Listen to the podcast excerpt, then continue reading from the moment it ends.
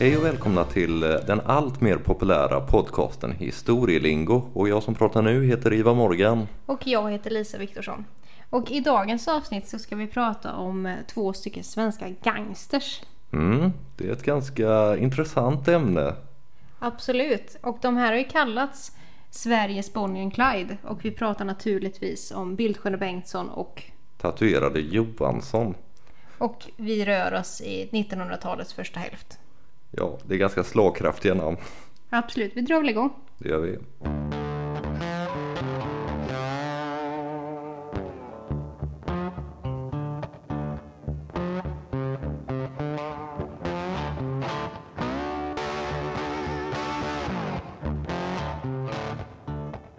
Och eh, de här två kumpanerna, de träffas naturligtvis på Långholmen. Och Långholmen är ju då det här väldigt kända fängelset i Stockholm på Ja. just Långholmen. Precis, ett av Sveriges kanske mest ökända fängelsen. Mm. Det var inte kul att sitta där tror jag. Nej, Men de träffas där och lär känna varandra 1932. mm. Och eh, vi kommer tillbaka strax till vad de här faktiskt gjorde ihop. Men eh, först kanske lite bakgrund om var och en för att det fanns ju anledningar till att de satt på Långholmen. De var ju kriminella redan. ja de var mycket kriminella redan. Men vi kan la börja med Bengtsson, alltså den bildsköne. ja.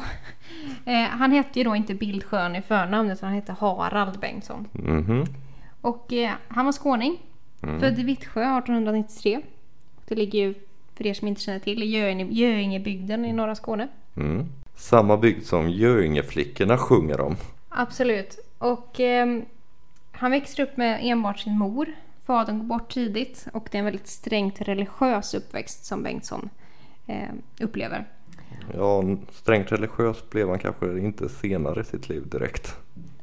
Det vet vi väl egentligen ingenting om men Nej, eh, men om man kollar på hans handlingar sen så kanske de bryter mot en del av budorden, absolut. absolut. Men eh, när han börjar skolan så får han flytta till sina morföräldrar och växer upp där sen resten av uppväxten. Mm. Sitt första jobb det får han eh, vid järnvägen som stinselev i Strömsnäs bruk. Ja, det är inte ett helt dåligt jobb att bli Nej. stinselev. Absolut inte. Men han blir tidigt anklagad för stöld. Ja, och visst var det så att han inte hade gjort någonting just den här gången? Just den här första gången då så pekar det mesta på att han faktiskt var oskyldig. Mhm. Och enligt legenden så ska han ha sagt att vill ni göra mig till tjuv så ska jag också bli det. Mm. Men det är förmodligen en efterhandskonstruktion. Han har, han har nog inte sagt det. Det Och låter väldigt mycket som en Det efterhandskonstruktion. som han då skulle ha stulit det skulle vara Stinsens armbandsklocka. Mhm. Men eh, som sagt, förmodligen hade han inte ens gjort det. Han flyttar till Malmö efter en tid till sjöss. Mm. Och då är han 15 år gammal, han kommer till Malmö. Och då stjäl han på riktigt. Mhm. Han stjäl en ytterrock. Ja. Och han smiter från notor då. På krogar och hotell. ja, det kanske inte är de grövsta kriminella gärningarna man kan göra men det är ju osolidariskt. Absolut. Och 1909 så åker han fast då. Mm. Och då hamnar han på uppfostringsanstalt. Mhm. Och vad lär man sig på en uppfostringsanstalt? Jo, man lär sig tjuvens yrke. Ja, för man buntas ihop med massa andra smågangsters. Precis, och de lärde av varandra och under tiden på den här ungdomsanstalten så blir han fullärd tjuv helt enkelt. Men ska sägas också att han lär sig även skräddaryrket för att på de här uppfostringsanstalterna så fick man lära sig yrken. Mm. Och det är någonting som han faktiskt kommer komma tillbaka till senare i livet. Ja, just det. Men eh, det gick inte så jättebra för Bengtsson på anstalten. Han trivdes inte helt enkelt. Nej, det tror jag var få som trivdes på de där anstalterna faktiskt. Ja, men det är också ganska få som rymde, skulle jag tro. Men det gjorde Bengtsson. Och ehm, ja, han börjar en stöldturné genom södra Sverige. Mhm. Och en del brott blir ganska misslyckade. Han åker fast när han har eh, förstört och demolerat en telefonautomat. Och telefonautomater på den här tiden hade ju mynt i sig. så Just att det var ju det. mynten han ville åt. Och så ska han köpa sig en dyr tågbiljett, går in på ett biljettkontor och försöker betala den här biljetten med en stor påse med småpengar, småmynt. Och kanske inte det skarpaste man kan Nej. göra. Då läggs ett och ett ihop och man förstår att det är han som har då förstört telefonautomaten. Så han åker fast igen. Och det gör han upprepat. Och så kommer han ut och sen så gör han nya stöldturnéer och så åker han in och kommer ut. Och så, så ska han hålla på lång tid framöver. Mm. Och hans specialitet det blir faktiskt järnvägsstationer. Ja, det kanske inte är så konstigt för han har väl en viss kunskap om hur en järnvägsstation fungerar. Ja, och sen kanske vi ska säga också att vid den här tiden så var järnvägsstationen inte bara liksom en väntsal som det är idag. Nej, absolut inte. Eh, utan det var ju en samlingspunkt i byn. Mm. In, inte sällan med post och bankkontor i samma lokal och sådär. Så, att, så att det fanns mycket pengar och prylar och sådär och sno på järnvägsstationer vid den här tiden. Och, eh, men han gjorde ju inte bara det utan han gjorde ju även eh, inbrott i privata hem och på postkontor och butiker och sådär. Lite allt möjligt. Lite allt möjligt. Vid en sån här stöldturné så um, lyckas han lura en polis. Mhm. För han blir först fasttagen. Men han säger till eh, polismannen att han är montör Oskar Johansson. Just det. Nu kommer den här anekdoten. Det är en klassiker när man talar om Bill Ja. Sköne Bengtsson. För det är nämligen här han får sitt öknamn. Mm. Den här mannen, han är ju ganska känd i pressen redan innan för att sån här tjuvturnéer eller stöldturnéer skrevs det ju om i tidningarna. Mm. Men eh, det är först nu som han får sitt öknamn Bildsköne Bengtsson. För polisen släpper honom och eh, inser väl sen att han har blivit lurad. Och då hålls en presskonferens Mm där polisen urskuldar sig med att han såg ut att vara citat en trovärdig bildskön yngling. Slutcitat. Namnet Bildsköne Bengtsson var ett faktum i pressen. Ja, precis. Han hade ju stått där med motorcykel och lite pengar när han hade blivit misstänkt. Men sen så hade han på något sätt med någon slags skärm lyckats eh, slingra sig ut där. Däremot så hade polisen tagit hans motorcykel och de här pengarna som någon slags pant för att han skulle komma till polisstationen nästa morgon. Men det gjorde han ju inte. Utan de fick stå där med motorcykeln och pengarna. Ja, och i hela Bengtssons liksom kriminella liv så är det ju en katt och råtta-lek hela tiden mellan polisen och Bengtsson. Mm. Och ska vi vara ärliga så drar ofta Bengtsson det längsta strået. Absolut, i alla fall. Om, om man tänker att han går fri, sen så var ju hans liv väldigt mycket misär också, vilket vi kommer komma tillbaka till. Ja, absolut. Men det var Bengtsson, han hade ju en kumpan då, tatuerade Johansson och honom har du tittat lite mer på. Ja, det lilla jag kunde få fram om honom. Han är lite mer anonym i källorna än vad Bengtsson är. Ja, Bengtsson verkligen. är ju stora Bengtsson är- stjärnan. Ja, han är artistnamnet liksom. Ja. Men den här Johansson då, tatuerade Johansson, han hette egentligen Axel Folke Johansson. Mm. Och, Folke som tilltalsnamn. Och han eh, föddes 8 december 1906. Och precis som Bengtsson så satt han på eh, uppfostringsanstalt Mm. eh, utanför Motala. Okej. Nämligen Statens uppfostringsanstalt för kriminella ynglingar som huserade där ute mellan 1905 och 1948. Mm. Och vi har ju redan varit inne på det här med uppfostringsanstalter. 1927 så blir han skräddargesäll i Gästrikland. Där har vi också något gemensamt med Bengtsson då, skräddaryrket. Precis. Och det här var i Österfärnebo. Året därpå så föds det en liten son till honom. Mhm. Men eh, Johansson hade vid det laget flyttat hem till sina föräldrar i Nyköping. Och efter det så gick han till sjöss. Så det var kanske inte någon närmare kontakt mellan eh, Johanssons son och eh, Johansson då. Förmodligen inte. Och där har vi ytterligare en likhet med, med Bengtsson. Att eh, han gick också till sjöss. Så de har ju väldigt lika bakgrund de här. Sen kanske vi ska flika in att tatuerade Johansson ju var en del yngre än eh, Bengtsson. Ja, ja, absolut. Och det var även på sjön som han fick alla de här tatueringarna som gjorde att han fick epitetet tatuerade Johansson.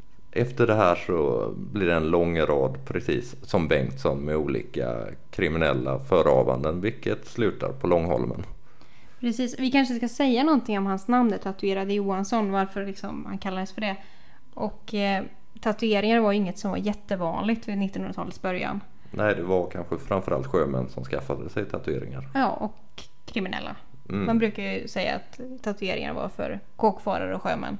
Så att eh, det var väl det att det var lite uppseendeväckande hans alltså utseende då. Framförallt när man började gå ut med efterlysningar och sådär så var ju ett signalement att han var tatuerad naturligtvis. Absolut.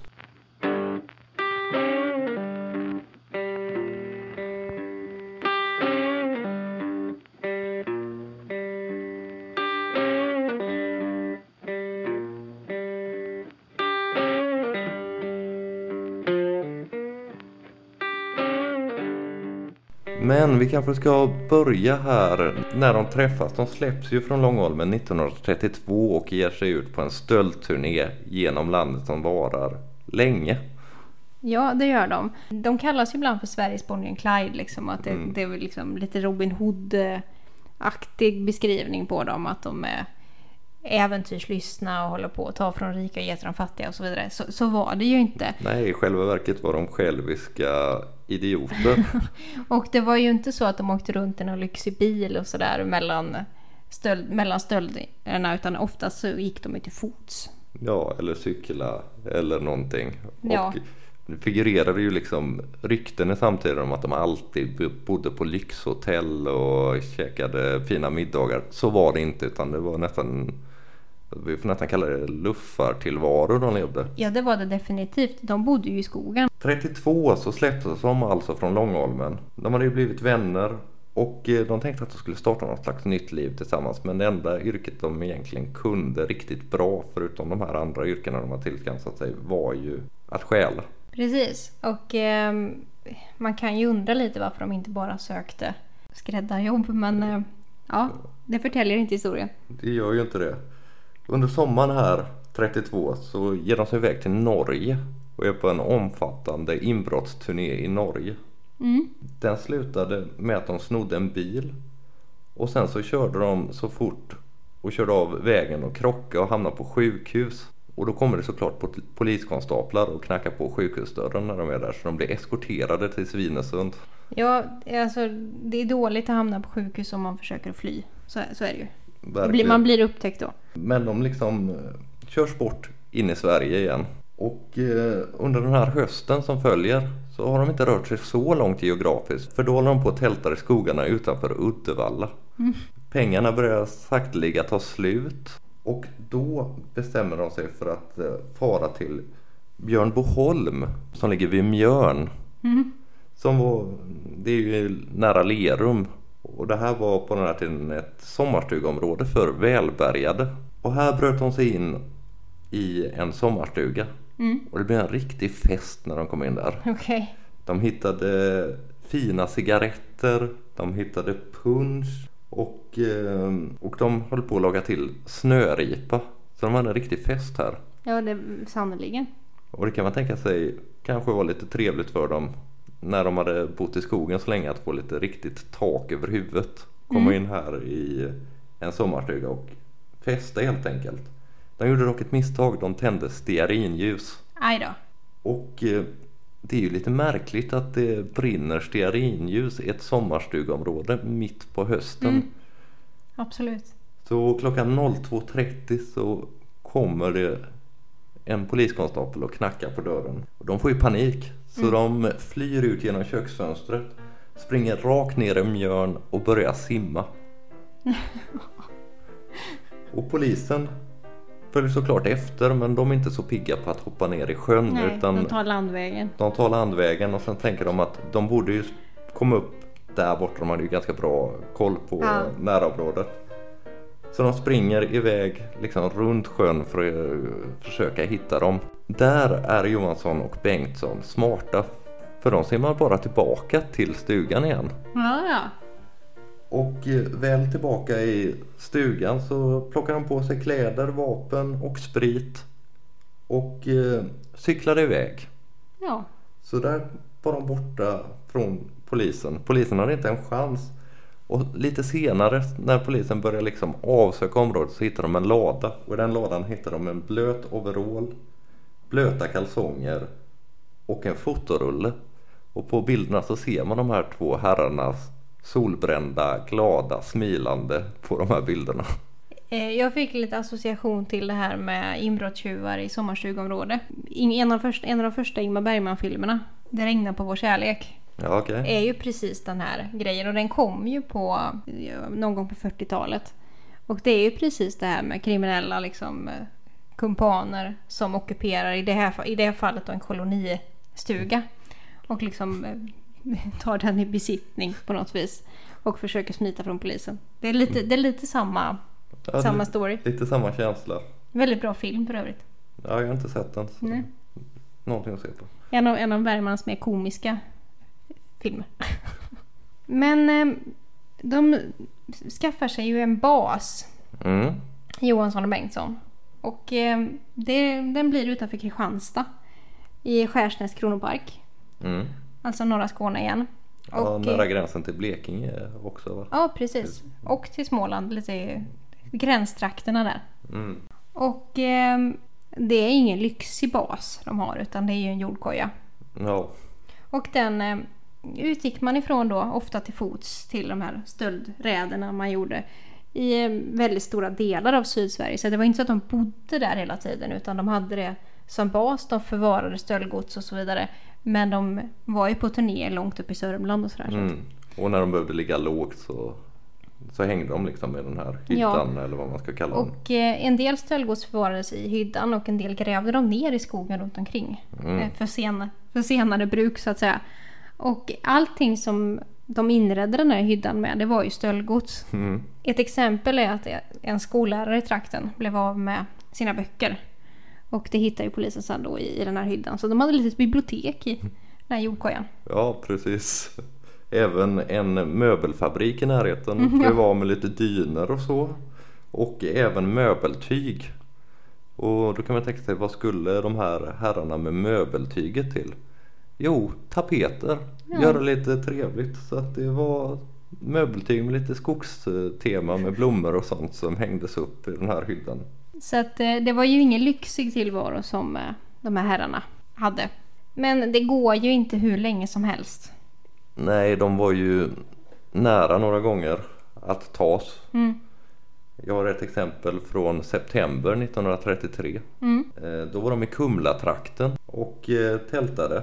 Och polisen var i det här området på vakt för att det hade varit många mm, inbrott i själva närområdet. Och eh, i vinden så kunde man känna en svag doft av kaffe och cigarettrök inifrån skogen. Mm. Och eh, då samlas polisen ihop ett gäng liksom med ortsbor och polisen som går in i skogen för att leta för att man har väl på känn att det är just Bengtsson och eh, Johanssons som eh, härjar i trakten. Ja. De var ju väldigt, ska vi säga, också kända för allmänheten. Absolut. De hade varit efterlysta i pressen mer än en gång om man säger så. Ja, och pressen rapporterade varenda gång när de var någonstans också. I princip. Absolut. Vi kan komma in mer senare på liksom allmänhetens relation till de här kumpanerna. Absolut. I alla fall, det var en viss kommissarie Sar som var med i den här eh, gruppen som letade runt i skogarna. Och han får jackpot. Han ser plötsligt ett tältläger och där sitter bildsköne Bengtsson utanför tältet. Och eh, Bengtsson hinner inte reagera utan han sitter kvar och eh, ger sig i princip.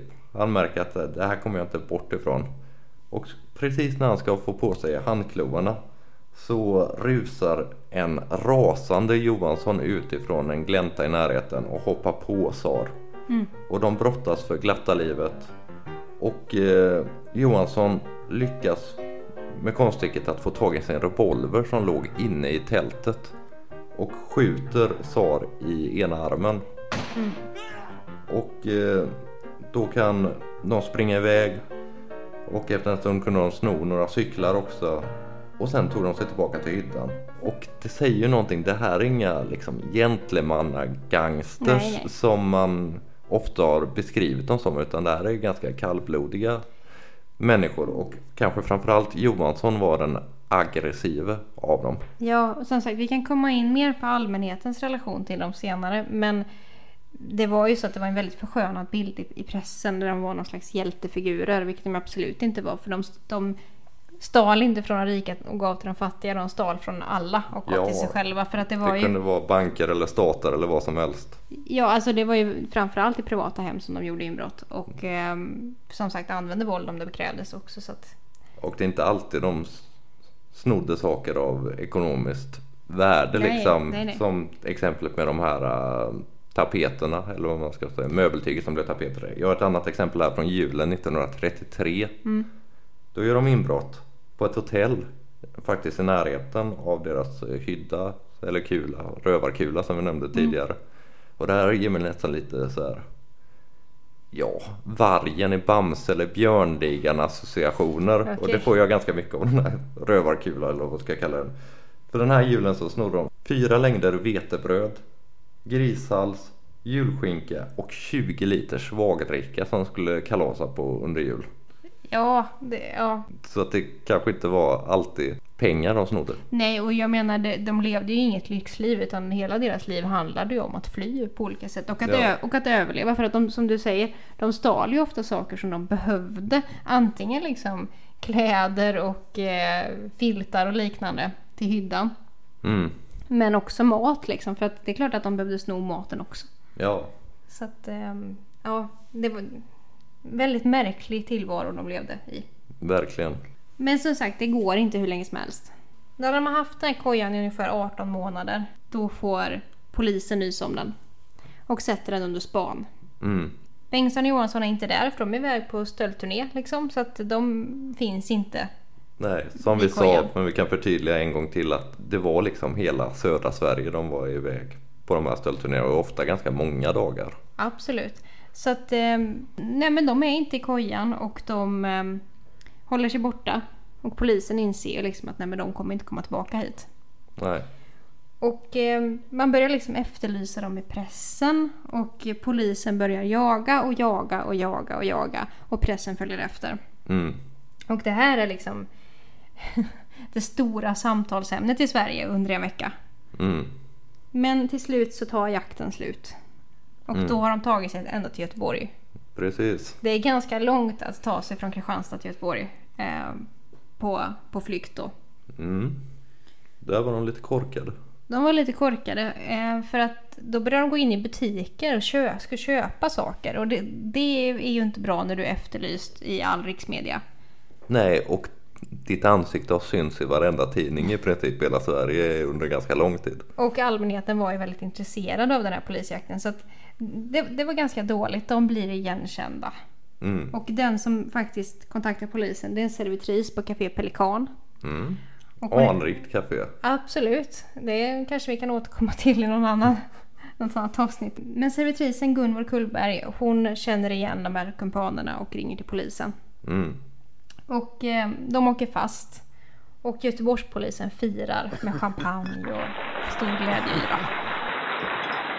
Ja, för det säger någonting om hur kända de här brottslingarna var. När eh, de tog vanliga tjuvar så tror jag inte det bjöds på champagne på kontoret liksom. Det- Eller på polisstationen menar jag. Det tror jag inte. Det finns en fantastisk bild från eh, det här gripandet. Där Billsjön Bengtsson och Johansson sitter i mitten och ett stort gäng Göteborgspoliser står runt omkring med segervissa leenden och en har till och med lagt armen liksom om de här brottslingarna. Väldigt nöjda. Eh, Vi kan dela den här bilden på vår Instagram-sida. Så. Det kan vi göra.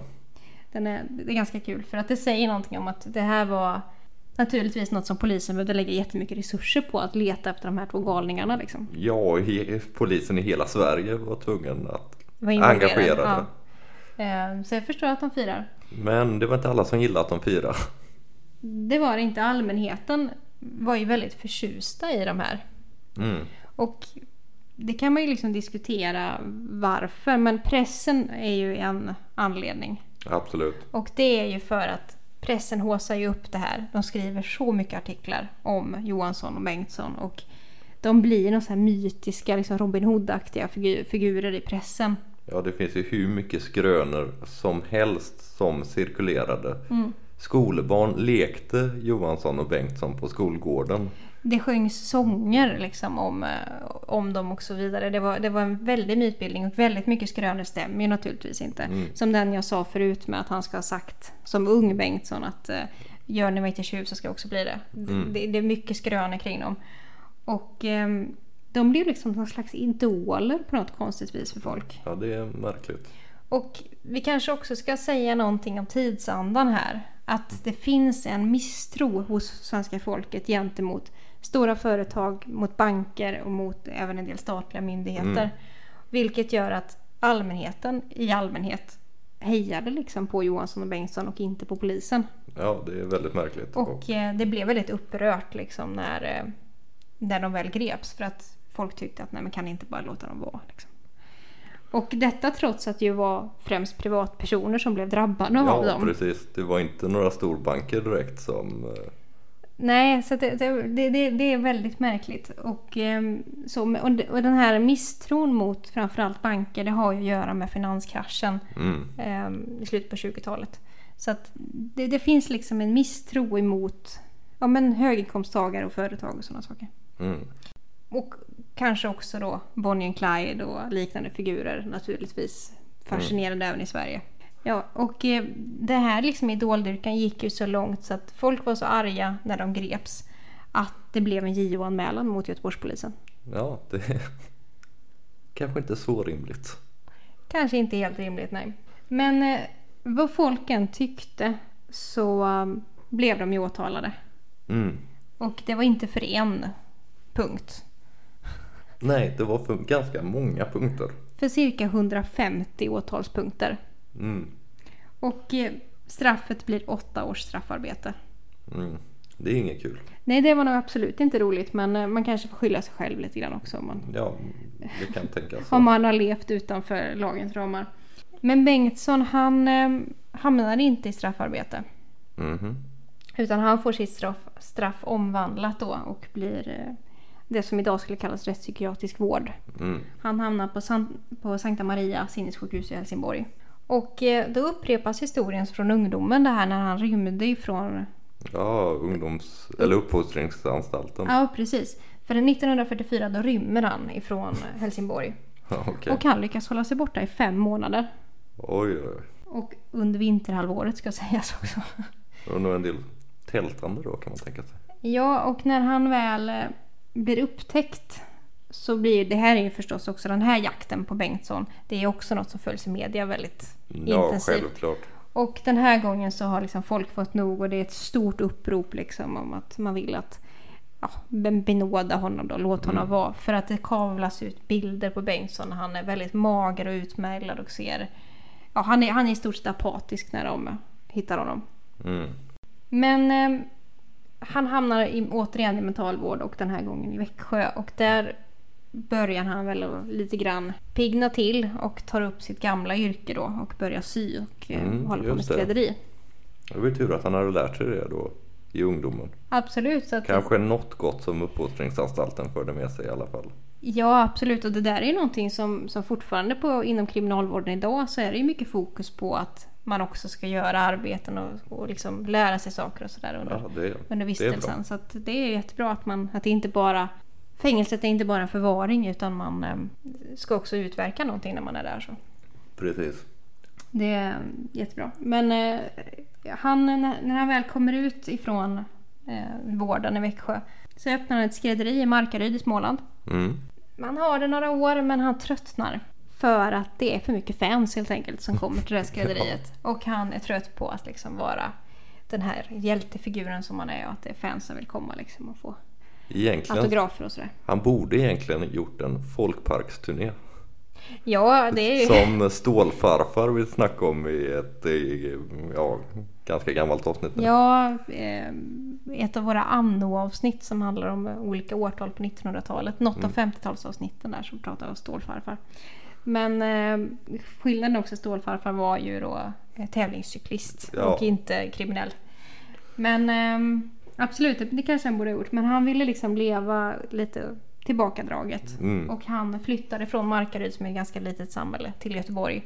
Där han då kan leva lite mer anonymt. Och det är också där då han, hans liv tar slut. 1966 och han är begravd på Kviborg kyrkogård i. Göteborg. Och som sagt Johansson vet man inte riktigt lika mycket om eftersom att han, han är inte lika omskriven som Bengtsson helt enkelt. Nej. Det är klart att man säkert kan, kan gå till källor och hitta mer information om vad som hände med honom men, men han liksom fortsatte väl mer eller mindre den här kriminella.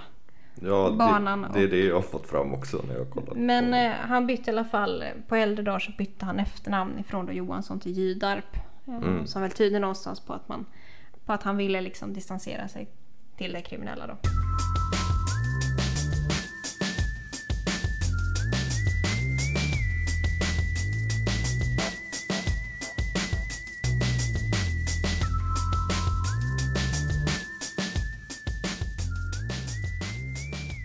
Du nämnde ju förut Bonnie and Clyde. Mm. Och det är en ganska bra jämförelse för att de var verksamma ungefär vid samma tid. Och Johansson och Bengtsson är ju någon slags eh, svensk motsvarighet till Bonnie and Clyde. Ja, och som alltid när det blir svenska motsvarigheter så är de lite mer, ja, lite mer blasé. Det är lite mer simma i mjön och springa i skogen och bo i jordkojor och sådär. Ja, precis. Och eh, vi kan ju ta en väldigt snabb genomgång av Bonnie and Clyde. Bara för att man ska förstå jämförelsen. Det är alltså det äkta paret Bonnie Parker och Clyde Barrow som, eh, och det var kanske framförallt Clyde Barrow som var ledare för något som kallades Barrow-ligan som gjorde rån under depressionen. Egentligen så var de ganska dåligt rent kriminellt de var inte så smarta men de var kallblodiga. De rånade banker, butiker och bensinstationer. Och som jag sa kallblodiga för de hade inget emot att skjuta poliser. Nej, där är det ju också en skillnad då mot den svenska varianten. Även om Johansson använde vapen och våld så, så var det kanske inte riktigt lika stor utsträckning som Bonnie Nej, Clyde. han mördade inte någon. Nej, Fast det kan, skulle han väl i och för sig kunna ha gjort. det skulle han kunna ha gjort absolut. Det, men, men eh, mm. I alla fall, Bonnie Clyde var ju verksamma under den så kallade Public Enemy-eran i USA som var mellan 31 till 35, alltså mitt under depressionen. Och eh, under den här eran så fanns ju skurkar från dem som Ma Barker, Pretty Boy Floyd och John Dillinger. Och eh, de blir liksom någon slags antites till staten och eh, utmålas som statens fiende nummer ett. Och det var den här eran och alla de här våldsbrotten här som i viss mån ledde till att FBI grundades efteråt. Och eh, precis som eh, de herrarna vi har pratat om i det här avsnittet så blev de någon slags hjältar för vanligt folk trots att de var själviska kallblodiga idioter som var allmänt hemska. Och eh, de ses också som Robin Hood-figurer precis som eh, Johansson och Bengtsson. Det var de inte. Nej, men och det var ju något som också spred sig till Sverige naturligtvis. Så det är klart att svenskarna de, de tyckte att det var jättespännande när det kom liksom en svensk motsvarighet till det här. Och ehm, så är det och Bonnie and Clyde är ju, även om det, det börjar bli ganska länge sedan så är det ju fortfarande något som jag tror gemene man känner till. Ja, över mer eller mindre hela världen. Så att, Absolut, de har ju haft ett enormt genomslag rent populärkulturellt. Jag tänker till exempel på den här sången Bonnie and Clyde med Serge Gainsbourg och eh, Brigitte Bardot från 1968 som handlar just om Bonnie and Clyde. Och när om vi tittar på Bildsjön Bengtsson och tatuerad Johansson så har ju de också levt vidare även om de är nog lite bortglömda idag tror jag. Ja, de är lite mer kuriosa idag kanske Ja. än vad Bonnie och Clyde är som har gjort det här riktigt stora avtrycket i Men populärkulturen. eh, den här podd, det här poddavsnittet kanske lyfter intresset för tatuerade Johansson och Bildsjön Bengtsson, vem vet. Men eh, i sin samtid och senare under 1900-talet så var liksom tatuerade Johansson och Bildsjön Bengtsson household names i, i, svenska, i svenska stugor. Mm. Och Hasse och Tage gör ju en pastisch till Bildsjön Bengtsson på, på 60-talet. Och det är liksom 30 år senare efter, Mm. efter det här. Liksom. Och ehm, det är en av de kända Lindemann-figurerna då. Eh, Bildsjön Lindemann till Just exempel. det. Som gör en pastisch till, till Bildsköne Bengtsson. Och, Och för er som inte känner till de här Lindemann-sketcherna så är det ju någon slags improvisationsteater och stand-up comedy på något sätt. ja, eh, Hasse Alfredson var väl en av de första med stand-up comedy eh, improviserad i Sverige skulle jag säga. Ja. Det, han, det var ju Tage intervjuade Hasse helt enkelt och Hasse iklädde sig ja, ol- olika figurer. Eh, Hämtade från pressen. va? lite säregna figurer. Som, eh, ja, uppslaget kom ofta från någon nyhet då, men sen kunde det ju bära iväg vart, vart som helst liksom. Och, eh, eh, han gjorde ju tusentals sådana där Lindemann. Och de är väldigt roliga. En del, eller en del i alla fall är väldigt roliga. Eh, så det, det kan man grotta sig om. Om man vill. Som ni Om vet så andan faller på. Eh, vi ska inte fastna här så Tage för att ni som har lyssnat på podden länge vet att jag har en förmåga att fastna där. Men eh, i eh, Bengtsson och Johanssons egen samtid så var de ju omåttligt populära och det gjordes inte en sång om dem utan det gjordes mängder av olika former av kampsånger och hyllningssånger kring dem. Och jag har skrivit upp ett par verser från en sån här Ja, Okej, ehm, intressant. sång om, om just Bildsköne Bengtsson. Och eh, jag tycker den här texten säger någonting om hur populära de var och vad de jämfördes med. Så att jag tänker att jag läser upp den här texten. Jag höjer min röst, jag vill sjunga en visa. Ej kungar, ej prinsar jag tänkt till att prisa. Nej, större profeter har Gud nog oss skänkt. Och tanken den går då upp på Bildsköne Bengt. Sen Kryger gick hädan från tändsticksbolagen har Bildsköne Bengtsson varit namnet för dagen. Okej. Den ene var styv i finansskriveriet. Den andra är säker med sin dynamit. Ja, Så att här är det liksom... Han jämförs alltså med Gud, kungen, prinsar och Ivar Kryger. Ehm, i, den här, I den skalan så sätter man in Bildsköne Bengtsson. Jag tycker det är festligt ändå. det- det är ganska festligt. Och det ska jag säga så att just den här sången som jag hittade eh, tyvärr inget namn på utan den hette hyllningssång till Bildsköne Bengtsson. Eh, det här är en i raden man gjorde ju så att man, man tog gamla melodier och så Ja, skrev ny text. då. precis. Och det här är två verser, alltså det var mängder med verser i den här, just den här sången. Ja, okej. Men jag tyckte de här två verserna var roligast. Ja, det är roligt. Men eh, ja, jag vet inte om vi har så mycket mer om de här två kumpanerna. Nej, vi får väl eh, stänga locket till Bildsköne Bengtsson och eh, tatuerade Johansson för den här gången. Ja, vi tyckte att det var ett ganska roligt avsnitt att göra. Det är, det är ett väldigt udda ämne, eh, väldigt smalt. Men det är roligt att göra smala ämnen också. Ja, absolut. Och skulle ni vilja komma i kontakt med oss om någonting, antingen om ni skulle vilja samarbeta om ni är ett företag eller om eh, ni har glada hurrarop till oss Eller önskemål om avsnitt är alltid välkommet. så kan man höra av sig till historielingo.gmail.com Och vi har även en Instagram-sida och den heter vi Historielingo. Ni får gärna kika in till oss där också. Absolut. Ni får ha det så bra så hörs vi igen nästa gång med någonting helt annat än Bildsköne Bengtsson och tatuerade Johansson. Ja, vi får nog ta lite paus från den kriminella banan ett tag. Ja, vi får göra det. Ha det gott! Ha det gott. Hej. Hej.